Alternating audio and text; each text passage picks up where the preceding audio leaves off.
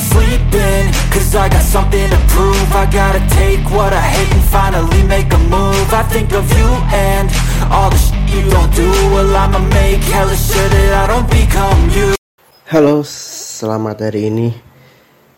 Welcome to my podcast Debar Bola, dengar bareng sepak bola. Sudah cukup lama uh, absen dari ruang dengar, ruang dengar dari Spotify atau platform platform lain kesayangan teman-teman semua. Kalau saya terakhir tuh sebelum covid apa ya? Ya tapi uh, doakan saja semoga setelah episode ini bisa berlanjut ke episode-episode selanjutnya. Oh ya uh, sebelum kita mulai episode kali ini uh, aku ingin memperkenalkan ya. Jadi ada segmen baru yang namanya overlap. Jadi overlap itu semacam segmen lain. Kita bisa ngomong apa pun bisa itu masih berhubungan dengan dunia olahraga sepak bola ataupun di luar itu. Dan itu juga bisa macam-macam ya. Bisa uh, saya sendiri bisa uh, bersama mungkin uh, teman-teman atau bintang tamu yang bisa uh, sharing bersama di sini. Gimana nih minggu-minggu ini? Semoga kalian dalam keadaan sehat semua, dalam keadaan yang happy. Soalnya udah ya berangsur-angsur kembali normal lah kondisi dan keadaan di Indonesia dan di dunia jadi semoga bisa membawa sebuah energi positif atau ya minimal bisa apa ya uh, membuat semacam perubahan yang lebih baik lagi.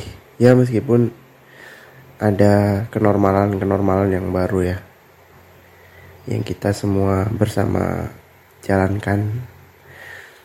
Terlepas itu sudah terjadi pelonggaran-pelonggaran tapi tetap yang nomor satu adalah kesehatan yang paling penting. Jadi jaga kesehatan teman-teman. Musim liga-liga Eropa udah selesai. Waktu tag ini yang paling baru adalah AS Roma ya yang bisa akhirnya menjuarai European Conference League setelah mengalahkan Feyenoord 1-0 ya tadi malam. Jadi uh, apa? Ini gelar kalau nggak salah gelar major Eropa pertama Roma ya, karena yang di tahun 60-an itu yang lawan Birmingham itu turna turnamennya dari FIFA. Jadi UEFA tidak mengakuinya kalau nggak salah seperti itu. Liga-liga udah selesai selamat buat Man City, AC Milan, Real Madrid, Bayern Munchen, PSG ya lima tim ya yang jadi juara lima liga terbesar di Eropa. Yang kurang itu final Liga Champions yang akan digelar weekend ini antara Liverpool dan Madrid. Nanti insya Allah saya juga akan bikin previewnya ya. Tapi kita tunggu aja lah. Uh, ngomong-ngomong tentang overlap tadi udah dibahas jadi episode ini termasuk dalam episode debar bola tapi segmen overlap jadi nanti akan bisa dibaca di judul episodenya. Kita bahas tentang pengalaman seorang teman seorang teman pecinta sepak bola juga yaitu seorang tunanetra gimana caranya atau gimana pengalamannya dan cerita-ceritanya tentang experience-nya dia tentang uh, olahraga sepak bola ini sebagai fans. Jadi uh, mungkin kita bisa mendapatkan sisi lain atau sudut pandang yang baru ya. Terlepas dari sebenarnya banyak juga cara atau uh, style orang dalam menikmati atau me, ya mengikuti dan menikmati pertandingan dan atau olahraga inilah. Jadi kita akan bersama seorang teman. Jadi kita bisa nanti dengarkan bersama gimana cerita-cerita dan pengalaman dia tentang uh, tentang ya cerita dia lah sebagai seorang fans dari uh, sepak bola ini sendiri. Ya, aku rasa cukup ya di segmen satu nanti kita lanjut ke segmen 2 bareng seorang teman saya yang akan bersama-sama kita semua bercerita di podcast Debar Bola.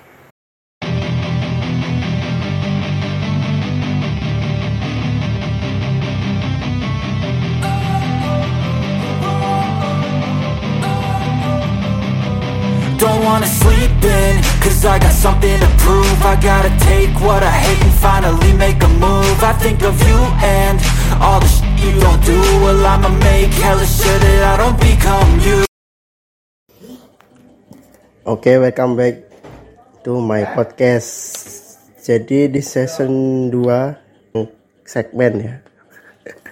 yang kedua sudah seperti yang didengar di awal. Jadi kali ini ada segmen baru di podcast di luar bola yaitu namanya segmen overlap. Jadi overlap itu kayak semacam sebuah segmen yang mengangkat tema yang mungkin masih hubungannya uh, masih ada hubungannya sama sepak bola mungkin juga sudah keluar makanya disebut overlap jadi langsung aja kali ini saya sudah tidak sendiri lagi. Sudah ada seorang teman yang kali ini akan berbincang dan mungkin sedikit berbagi pengalaman dengan kita semuanya. Oke, selamat malam Mas Rizky. Selamat malam. Ya, selamat malam. ya ini waktu take ini malam ya. Jadi mungkin dengarnya bisa malam, pagi, siang. Oke, tadi kan di awal kita sudah sedikit ngomong tentang uh, sepak bola itu bukan hanya sebuah olahraga yang selesai 90 menit tapi uh, lebih dari itu ya. Jadi ada banyak sekali uh, apa ya cara orang itu menikmati atau mengikuti perkembangan ada yang benar-benar dia nonton tapi istilahnya ya cuma nonton pertandingan atau mungkin cuma baca pertandingan cuma baca apa namanya update-nya ataupun dia mengikuti semuanya gitu. Nah kalau uh, Mas Rizky sendiri ini boleh cerita nggak? Dulu itu pengalaman pertamanya istilahnya apa nih mengenal atau mulai tahu itu ada sepak bola di TV itu awalnya gimana itu? Kalau dulu itu setahu aku ya pas waktu nggak masih belum ngerti sih ya bola itu gimana itu dulu itu kok pada nonton di TV terus sampai malam-malam itu pada nonton apa sih? Itu kan masih masih waktu masih kecil dulu ya. Oke. Okay. nah apa ya? Nah, itu nonton nonton apa sih? Ya gitu kan. Nonton bal nonton yeah. bola. Piye kuwi maksudnya ya? Ini kan kayak gitu. Iya yeah. nah es sok ben wis gede lah pengen ngerti dewe ya kayak gitu. Nah itu wah pengen ngerti kok malah anu lah. Okay. aku ki lebih tepatnya mulai ngerti bola itu ya ya sebenarnya ya nggak nggak baru-baru sekarang sih. Sudah sekitar eh, apa ya sekitar tahun 2010 waktu itu aku benar-benar baru pertama kali ngerti timnas gitu. Aku pertama ngerti bola itu dari timnas itu. Timnas Indonesia waktu itu masih inget banget aku eh, timnas Indonesia bantai Laos 6-0 itu aku Oh, iya. sedikit sedikit jadi dari ngerti oh apa ya ternyata nonton bola itu ya seru juga gitu gimana serunya eh, bola itu diumpan-umpankan gitu. Nah aku ngarani sih waktu itu. Seru juga ya nonton bola ya. Apalagi kalau kita punya klub atau timnas kita itu bisa tanding. Nah itu pengalaman apa eh, rasanya tuh pengennya nonton terus. Nah gitu. Oh. pengennya dengerin terus gitu. Pengennya dengerin terus nonton dengerin wah hasilnya gimana? Kayak gitu. Oh iya. Berarti kan. Tadi ngomong klub kalau boleh tahu klub klub yang didukung apa ini ngomong? Bisa luar bisa Indonesia? Ya kalau luar aku senengnya Barcelona. Barcelona. Kalau Indonesia ya kotanya sendiri Pak Semarang PSIS Oh, PSIS Semarang. kebetulan kan begitu kemarin PSIS tuh bisa promosi nih nggak salah tuh 2017 ya kalau nggak salah kita 2019 Iya. agak lupa soalnya. Itu seneng itu karena lah masa bertahun-tahun di Liga 2 terus kan gitu kan Iya. Nah, seneng Iya. banget bisa promosi itu oh ya ya jadi intinya eh klubnya PSIS mulai nonton 2010 iya mulai aktif mulai Aktif, aktif, ya. mengikuti perkembangan sepak bola itu tahun itu oh ya. terus kayak misalnya boleh tahu nggak eh, pertandingan yang gimana ya istilahnya yang paling paling berkesan lah. Maksudnya yang kayak wah ini kayaknya bola ini sebuah tontonan yang menarik juga gitu. Misalnya di samping kayak misalnya eh, nonton mungkin berita atau nonton sinetron atau yang lain itu kayak biasanya kan ada orang kebanyakan itu nonton bola itu kayak ada awalnya gitu pertandingan yang wah ini berkesan ini. Terus dia berikutnya jadi eh, nonton. Nah itu kalau boleh tahu ada nggak pertandingan yang yang yang yang berkesan gitu? Ada mas. Nah, itu kalau pertandingan di mana itu? Atau pertandingan apa itu? Kalau negara jelas ya mas ya. Itu Indonesia sama Malaysia. Iya. Indonesia, Itu- Malaysia. itu walaupun jam berapapun dan di TV apa pun itu aku pasti pengen dengerin gitu. Nggak maksudnya yang pernah yang pernah ditonton itu maksudnya yang apa ya kayak wah aku nonton misalnya Indonesia Laos. Itu yang membuat wah aku kayaknya berikutnya kan agak sering nonton bola lagi gitu. apa ada pertandingan lainnya apa mungkin ya Indonesia Laos itu tadi gitu.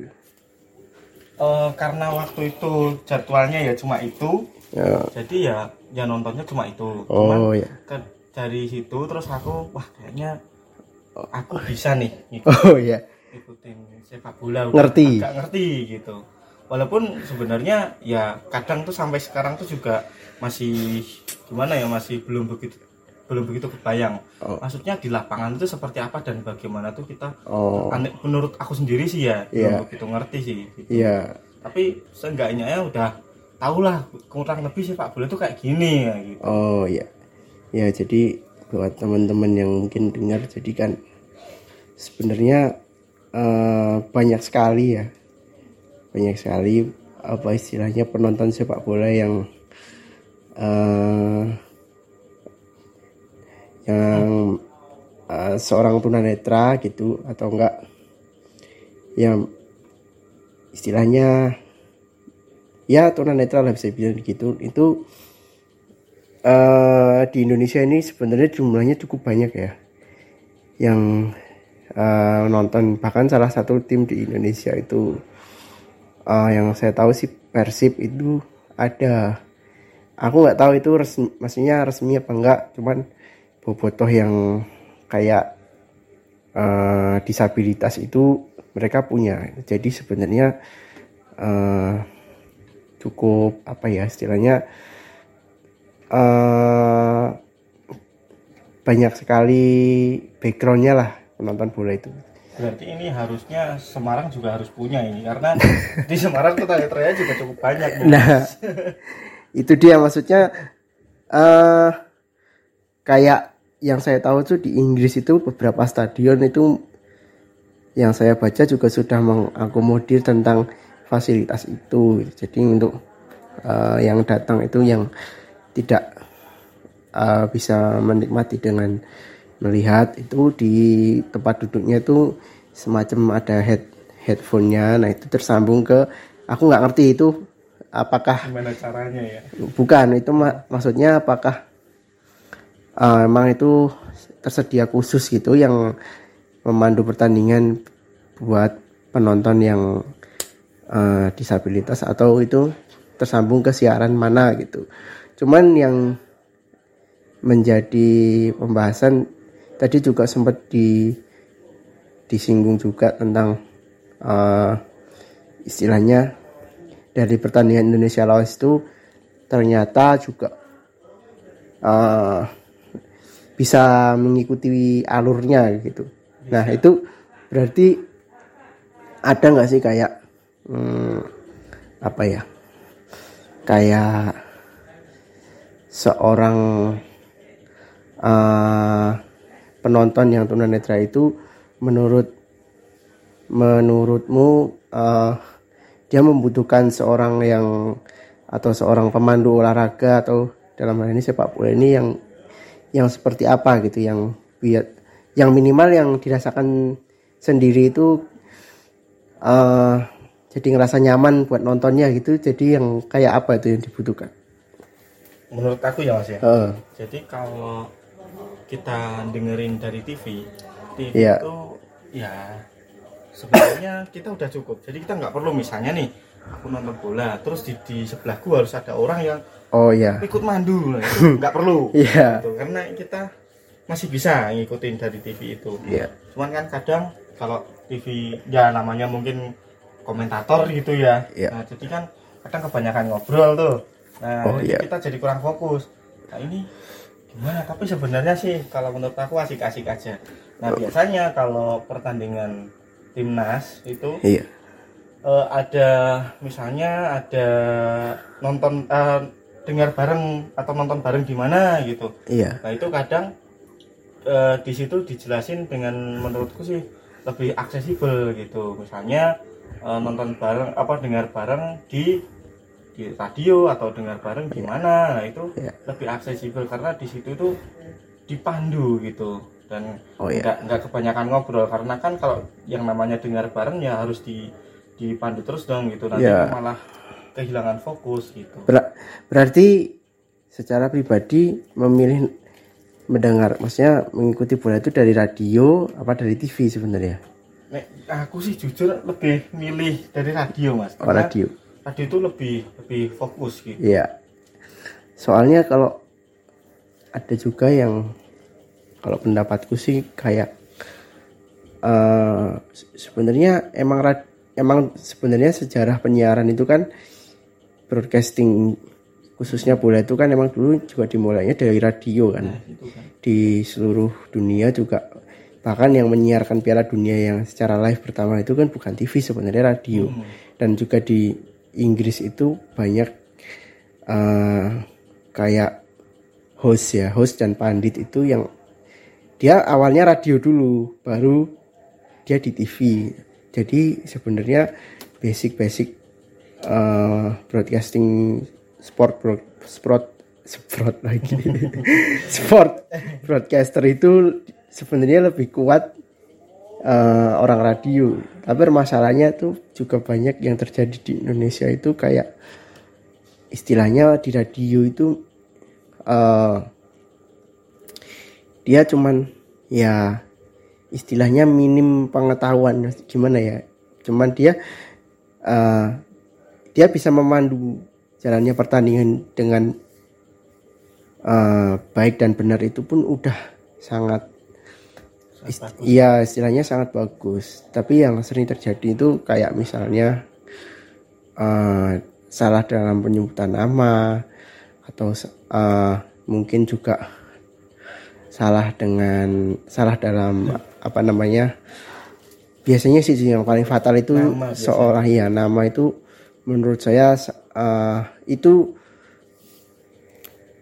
sangat jarang saya temui ketika kita mendengar radio di luar ya. Jadi, di mungkin di uh, pernah saya bahas juga di podcast ini. Jadi di luar itu yang mungkin radio bisa saya akses di maksudnya kita semua ya bukan saya kita semua akses dari Indonesia ini sebagai misalnya talk sport talk sport itu emang radio sport dari Inggris tapi sebenarnya nggak cuma bola sih ada olahraga lain cuman kalau di bola itu dia sangat menurut saya sangat uh, beda dengan TV cuman uh, broadcastingnya itu lebih apa ya uh, jarang sekali kejadian seperti yang terjadi di Indonesia ini kayak oh. ya penyebutan nama dan lain itu sangat jarang terjadi. Nah, kalau di Indonesia agak sering ya. ya jadi kalau cepat-cepat banget. Ya, itu. Jadi kalau masalah itu ini juga yang mau aku tanyakan jadi menurutmu itu uh, sebaiknya pemandu itu maksudnya seorang host bola itu kalau yang yang kamu rasakan sendiri sebagai diva apa tunanetra yang ya yang nonton bola itu mendingan dia tuh uh, memandu dengan maksudnya menyelipkan uh, insight tambahan kayak misalnya ini pemain ini usianya sekarang berapa bermain di klub mana dia di timnas itu udah misalnya ini pertandingan timnas ya di timnas itu udah berapa capsnya golnya berapa atau enggak atau cuman benar-benar fokus melaporkan yang terjadi di lapangan. Menurutmu uh, yang dibutuhkan itu seorang host yang yang yang seperti apa gitu? Kalau menurut aku sih ya tadi misalnya menyebutkan misalnya si Kylian Mbappe gitu. Ya misalnya Kylian Mbappe. Nah, Kylian Mbappe uh, sudah berapa cap itu uh menurutku kalau di pertan di dalam pertandingan itu ya nggak begitu penting gitu. Iya. Jadi mendingan fokus aja apa yang terjadi di lapangan. Iya. Tapi kalau sesekali bolehlah misalnya ya ini sekian Mbappe membawa iya. bola. Iya. Ya sudah sudah 25 kali misalnya nih ya iya. tampil di timnas Prancis sudah iya. mencetak anu. Nah itu iya. nggak masalah kalau sesekali. Tapi kalau masa iya setiap ada pemain baru lagi si Paul Pogba bawa bola eh, masa disebutin lagi iya. ya ya ya buang-buang waktu nggak efektif ya. banget gitu loh jadi ya kayak gitu nggak apa-apa tapi jangan sering-sering ya maksud saya gitu. biasanya sih kalau seperti itu biasanya di di apa namanya disebutkan misalnya ketika si pemain ini masuk lapangan atau ketika sedang ada bola mati itu kan situasinya oh, ya ya eksekusi gitu. Ya mungkin ya, apa -apa. itu sebenarnya nggak masalah. nggak masalah. Ya itu emang sebenarnya di, di, di TV pun juga ada. ada iya. yang host seperti itu. Jadi emang ada yang cuma uh, apa namanya fokus di situ. Ada juga yang uh, dia lebih banyak informasi lah yang disampaikan. Dan mengenai style apa cara pembawaan itu kan juga masing-masing ya hmm. ada yang istilahnya cara Latin maksudnya kalau di YouTube itu kan biasanya kalau host yang Amerika Latin kan cenderungnya uh, apa ya berapi-api bersemangat Latin sama Timur Tengah itu agak-agak mirip-mirip lah ya.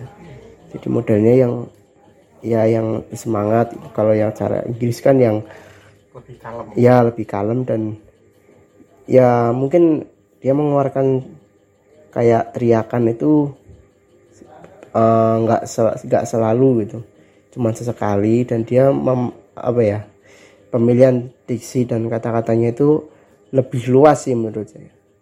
Ya itu ya itu style dari inilah.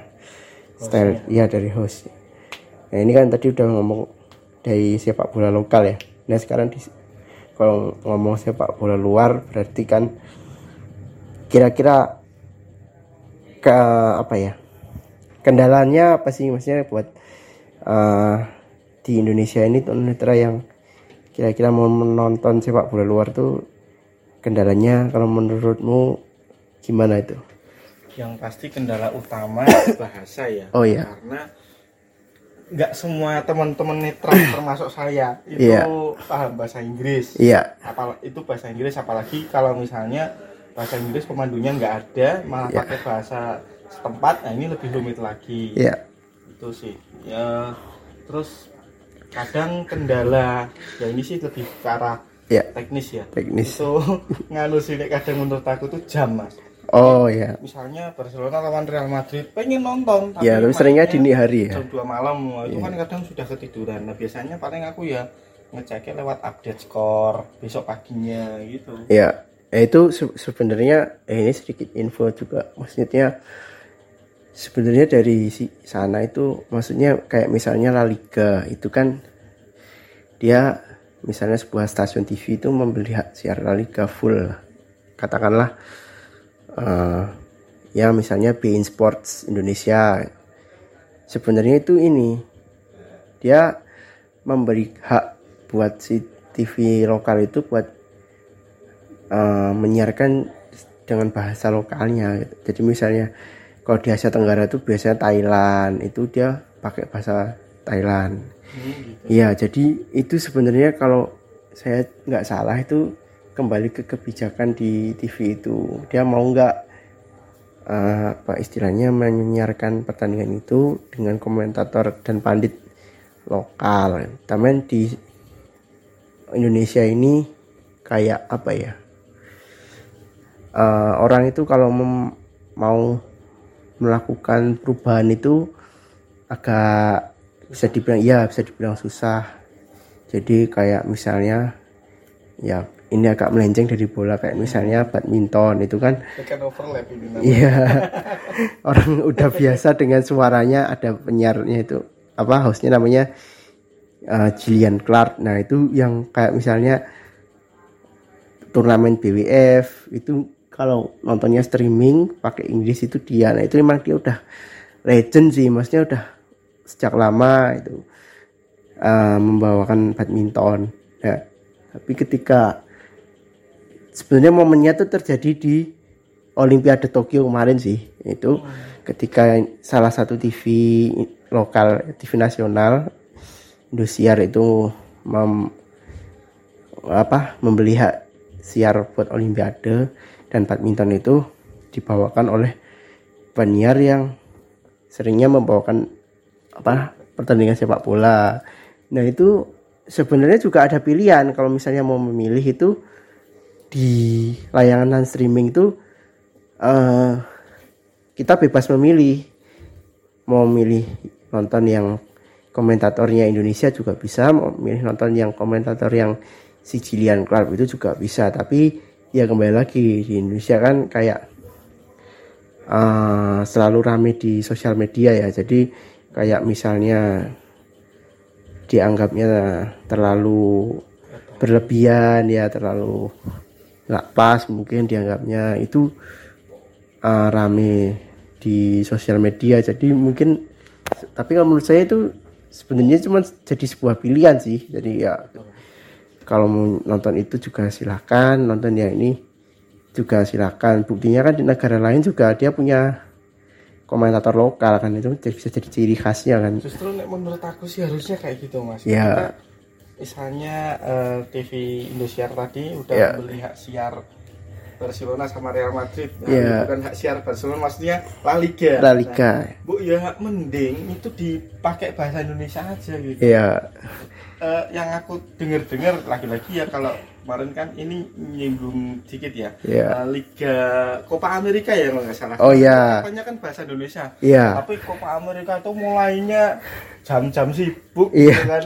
Jadi ya nggak pas gitu loh. Iya. Itu, itu inovasi yang menurut saya perlu diapresiasi juga itu. iya Bisa dicontoh sama televisi atau radio-radio yang mungkin mau nyarin misalnya radio lain mau nyarin La Liga gitu kan.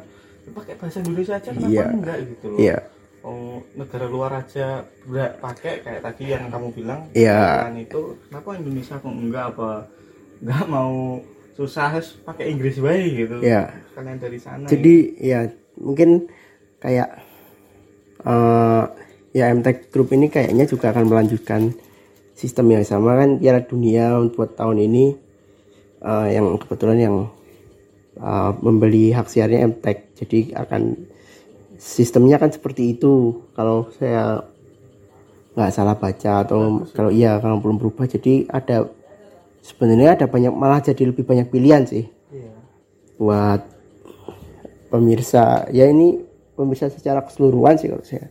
Jadi kan kalau misalnya menikmati pertandingan itu kayak moodnya itu sebenarnya malah kita bisa milih gitu mau yang mana gitu. Jadi di istilahnya di zaman internet ini harusnya yang seperti itu tuh bukan menjadi sebuah masalah gitu. Kalau nggak seneng kan istilahnya bisa langsung ganti ke yang lain.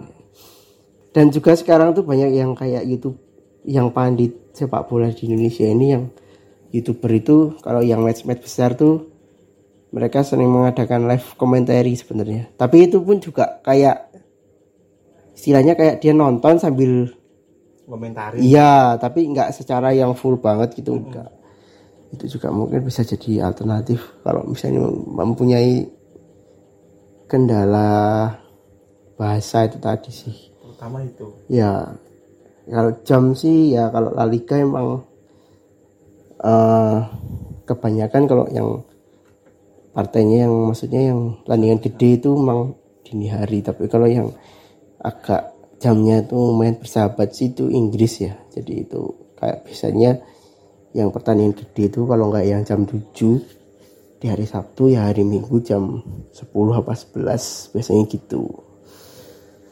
Ya itu pengalamannya. Ya terakhir mungkin harapannya gimana masih dengan industri sepak bola ini ya biar ya teman-teman yang mungkin yang tunanetra atau disabilitas yang lain itu bisa lebih aksesibel lah dalam menggunakan atau menikmati itu. Mungkin ya nggak cuma di TV sih mungkin di kan sekarang kan banyak media yang bisa kita pilih nonton gitu. Itu harapan dan ya keinginannya tuh gimana menurut Mas Rizky sendiri ya? E, kalau aku sih yang penting yang utama itu mudah-mudahan tuh bisa lebih aksesibel baik dari media maupun timnya. Maksudnya timnya ini kalau memang tadi itu yang dibilang benar ada fan apa namanya kumpulan supporter ya uh, yang disabilitas. Ini bagus loh sebenarnya. Yeah. malah saya baru tahu gitu kan. Kalau kayak gitu kan berarti kan dunia inklusivitas itu semakin nyata. Yeah. nah ini berarti uh, harus di perlu diwacanakan juga sama klub-klub di Indonesia. Yeah. gitu kan ya, seperti yang aku bilang tadi misalnya PSIS harus ngadain lah kayak gitu yeah. dan yang kedua hmm, bagi teman-teman disabilitas yang mungkin nggak pengen nonton bola tapi nggak ngerti seperti yeah. dulu ikutin aja dulu nanti pasti pasti bisa ngerti sendiri yeah. lama-lama nanti juga bisa ngerti sendiri yeah. kan uh, karena sepak bola itu menyenangkan apa ya di samping uh, di 90 menit itu ada gol yang tentunya yeah. membuat kita itu deg-degan apalagi kalau tim kita kalah. Yeah. tapi di situ tuh ada kadang ada momen-momen yang bikin kita itu wah kayak gitu sepak bola hebat juga ya. Sportivitasnya tinggi ya, kayak gitu. Di situlah nilai-nilai sepak bola yang bisa membuat kita tuh jadi seneng gitu kalau menurut aku. Ya itu. Yang penting diikutin aja dulu nanti pasti bisa ngerti sendiri. Jangan ah nggak ngerti ah seneng tapi nggak ngerti akhirnya malah cenderung wes nyerah aja lah gitu.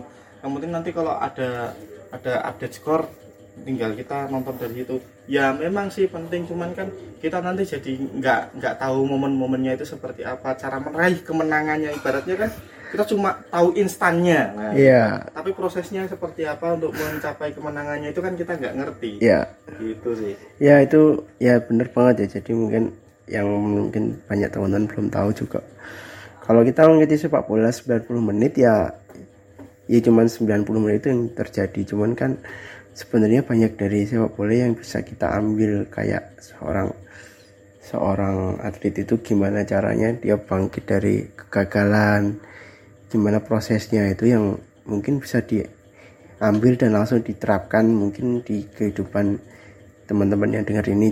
Jadi intinya seorang seorang yang menjadi orang yang besar itu awalnya pasti banyak perjuangan dan banyak sesuatu yang harus dilewati dengan mungkin susah payah ya. Jadi ya kurang lebih itulah yang bisa diambil dari salah satunya dari sepak bola itu sendiri. Mungkin yang lain banyak juga cuma sepak bola ini selain menjadi sebuah olahraga yang paling populer di dunia juga harusnya uh, teman-teman pendengar juga bisa mengambil pelajaran yang positif lah dari yang di ada di media maupun yang bisa teman-teman baca sendiri. Ya itu tadi pengalaman dari seorang teman. Mungkin semoga bisa membuka wawasan lah buat teman-teman yang dengar. Jadi kira-kira kurang lebihnya seperti itulah uh, gambarannya seorang tunanetra itu uh, menikmati sepak bola itu kayak gitu. Mungkin nanti ada yang kalau misalnya responnya bagus juga kita bisa mewawancara orang lain. Mungkin ja, dapat sisi yang berbeda sudut pandang yang berbeda lagi. Oke gitu aja. See you